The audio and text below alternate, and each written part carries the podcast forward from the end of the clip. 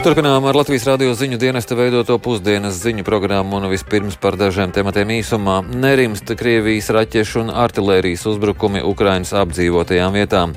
Noslēgts līgums par fotoradaru darbības turpināšanu Latvijā. Pie kongresa nama noslēgumam tuvojas 24 stundu basketbola spēle jeb krastu mačs par šiem un citiem tematiem pusdienas ziņu programmā.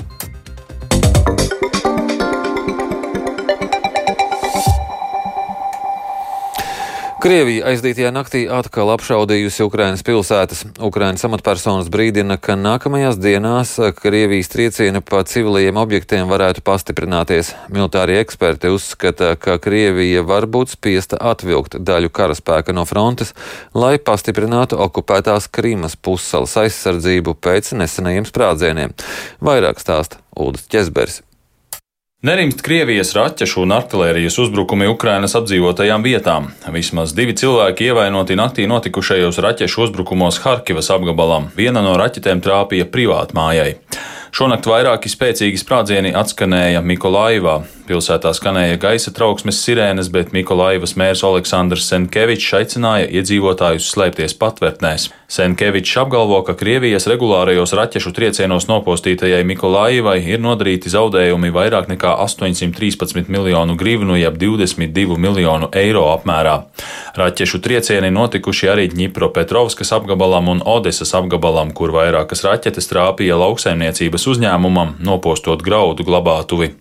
Nākamnedēļ, 24. augustā, Ukraina atzīmēs neatkarības dienu. Šajā dienā arī apritēs seši mēneši kopš Krievijas pilna apmēra iebrukuma, tāpēc ir sagaidāms, ka Krievi pastiprinās uzbrukumus civilajiem objektiem. Par to brīdināja arī Ukrainas prezidents Volodimirs Zelenskis.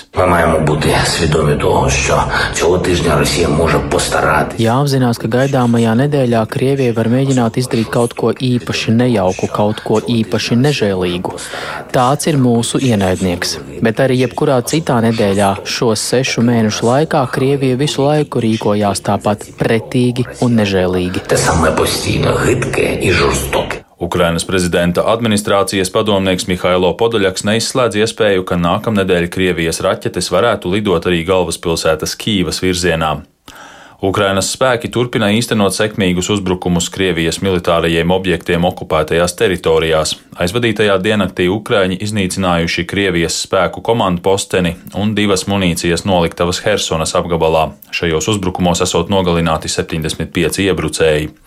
ASV kara izpētes institūts raksta, ka pēdējā laikā notikušie sprādzieni militārajos objektos okupētajā Krimā piespieduši Krieviju pastiprināt pussalas aizsardzību. Savukārt tas var nozīmēt nepieciešamību daļēji atvilkt spēkus no frontes līnijas. Domnīcas eksperti arī norāda, ka Krievijas nespēja atvairīt regulāros uzbrukumus Krimā var izraisīt neapmierinātību Krievijas sabiedrībā. Par neticību Krievijas spējām efektīvi aizsargāt okupēto Krimu liecinot arī garās automašīnu kolonnas, kas dodas prom no pussalas. Kara izpētes institūts arī norāda, ka aizvadītajā nedēļā Krievijas spēki ir veikuši nesekmīgus uzbrukumu mēģinājumus visā frontes līnijas garumā. Savukārt Ukrainas bruņotie spēki ziņo, ka valsts aizstāvji ir atvērījuši vairākus Krievijas karaspēka uzbrukumu mēģinājumus Donetskas apgabalā, tikmēr Mikolaivas apgabalā ienaidniekiem esot izdevies gūt nelielus teritoriālos panākumus. Ukrainas bruņotie spēki arī apgalvo, ka Krievija ir pārvietojusi pretgaisa aizsardzības sistēmas uz Baltkrievijas teritoriju netālu no robežas ar Ukrainu. Visbeidzot, Krievija ir apsūdzējusi Ukrainu Kremļa ideologa Aleksandra Dugina meitas Darijas noslepkavošanā. Dugina gāja bojā vakar vakarā, kad uzsprāga viņas vadītā automašīna. Incidents notika uz autoceļa netālu no Maskavas. Krievijas mediji raksta, ka Dugins kopā ar meitu piedalījās kādā patriotiskas ievirzes festivālā, pēc kura viņiem abiem kopā vajadzēja atgriezties Maskavā, taču viņš pēdējā brīdī pārsēdās citā automašīnā. Dugins ir viens no tā saucamās Krievu pasaules idejas idejas autoriem un kvēls Krievijas iebrukuma Ukrainā atbalstītājs Uldis Česberis, Latvijas radio. Vācijas kanclera Olafa Šolca un viņa vadītās koalīcijas valdības popularitātes reitings ir noslīdējis līdz zemākajam līmenim kopš nākšanas pie varas pērn decembrī. 62% Vācijas iedzīvotāji ir neapmierināti ar Šolca darbu, bet tikai 25% ir apmierināti ar viņa darba rezultātiem, liecina izdevumā Bild Amazontāga publicētā aptauja. Ar federālās valdības, ko veido Sociāldemokrātiskā partija, Zaļā partija un Liberālā partija Brīvie demokrāti, darbu ir neapmierināti 65% vācieši, bet 27% ir apmierināti.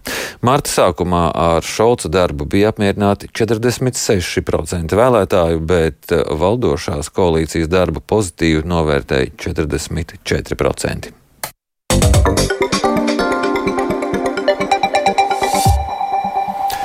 Ceļu satiksmes drošības direkcijā šonadēļ noslēgts līgums ar firmu Burde BV, kurai no 24. augusta uzticēs stacionāro fotoradaru licencēšanu. Par ierīču uzturēšanu atbildīgos vēl meklē, taču skaidrs, ka fotoradaru darbībā pārtraukumu nebūs. Vairāk Jāņa Kīņča veidotajā ierakstā. Stacionāro fotoradaru līdzinājais uzturētājs Sija Jarva jūlijā vidū paziņoja par līguma laušanu ar ceļu satiksmes drošības direkciju. Uzņēmums šo lēmumu pamatoja ar strauji augušām izmaksām. Satiksmes uzraugiem radās bažas, ka fotoradaru darbībā varētu iestāties piespiedu pārtraukums. Konkursa procedūrā pieteicās viens kandidāts - uzņēmums Burde BV, kam saskaņā ar šonadēļ 18. augustā noslēgto līgumu uzticēta fotoradaru licencēšana. Līdz ar to pārtraukuma radaru darbībā nebūs stāsta ceļu satiksmes drošības direkcijas pārstāve Ilza Šipkevica. Šīs līgums paredz to, ka fotoradari turpina darboties, un šis piegādātājs nodrošinātu licenču darbību. Tātad šis pakalpojums sastāv no vairākām komponentēm, un par pārējām tiek strādāts. Tātad viens ir šī verificēšana un arī uzturēšana, un tiek risināta šī sadarbības jautājuma. Sijā Jārva iepriekš bija uzticēta gan fotoradaru licencēšana, gan uzturēšana. Šobrīd ar uzņēmumu Burda BV noslēgtais līgums paredz Latvijā esošos 200 stacionāro radaru darbināšanai nepieciešamo licenšu nodrošināšanu. Tās ir saistības par 29,750 eiro mēnesī. Kopējā līguma cena ir 139,000 eiro uz 12 mēnešiem. Ar uzņēmumu Burda BV pārstāvi Latvijas radio neizdevās sazināties. Publiski pieejamā informācija liecina, ka uzņēmums jau agrāk nodrošinājis fotoradaru verificēšanas aparatūru. Savukārt Cija Jārva nulakā noslēdzas līgumu ar valsts policiju par divu netreferētu ceļu policijas automašīnu aprīkošanu ar 360 grādu video ierakstu sistēmu. Tā ļauj konstatēt pārkāpumus neapturot autovadītāju. Savukārt ceļu satiksmes drošības direkcija arī turpmāk sūtīs valsts policijas piemērotos protokolus par fotoradaru fiksētajiem pārkāpumiem. Likumsargi radaru darbības nepārtraukšanu vērtē ar atvieglojumu, atzīst valsts policijas satiksmes uzraudzības un koordinācijas biroja priekšnieka pienākumu izpildītājs Arturs Smilga. Ātruma pārsniegšana ir viens no galvenajiem cēloņiem ceļu satiksmes negadījumiem ar bojāgājušiem, tāpēc ir ļoti svarīgi šo pārkāpumu kontrolēt un nepieļaut. Nu, lai arī kā tiek saukāti un zākāti, fotoradari nu, tie glābi dzīvības.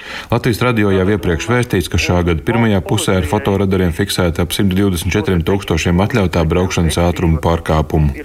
Policijai uzsver, jo vairāk tehnisko palīgu līdzekļu, jo labākas iespējas policijas ierobežoto cilvēku resursu izmantot bīstamāko pārkāpumu izķeršanai. Mēs tāpat arī uzskatām, ka vairāk vajadzētu kontrolēt tieši šos agresīvos braucējus, braucējus, kas apdzen neatļautās vietās reibumā, kas ir sēdušies pie stūres, bez vadītāja tiesībām. Šie te ir tādi pārkāpumi, kurējie uzreiz pakļauj briesmām arī citus satiksmes dalībniekus, ne tikai sevi. Tāpēc mēs ar nepacietību gaidam, kad sāks darboties šī vidējā ātruma kontrolas sistēma, lai mēs savus jau tā mazos resursus varētu pārslēgt un fokusēt tieši uz šiem te pārkāpumiem, kas apdraud tūlītēji uzreiz apdraud satiksmes drošību. Jānis Kincis, Latvijas radio.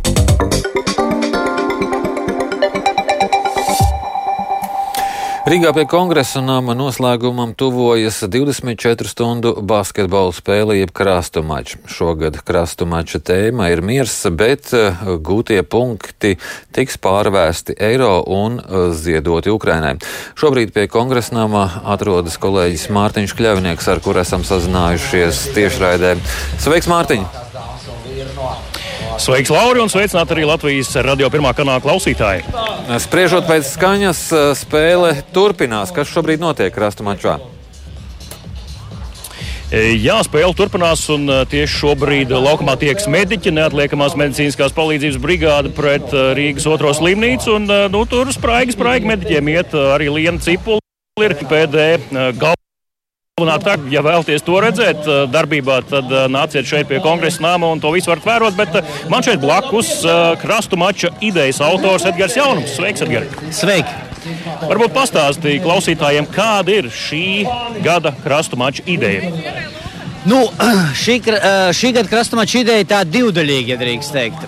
No vienas puses, protams, līdzīgi kā pandēmijas laikā, mums likās nenormāli svarīgi noturēt tradīciju. Man liekas, Latvijas nelaime bieži vien sportā ir tā, ka mums pārtrauks tradīcijas. Es ar skaudību skatos vienmēr uz lēšiem, kuriem tas žalgi ir stāsts. Tajos grūtajos 90. gados nepārtraukt, bet mums pārtraukt.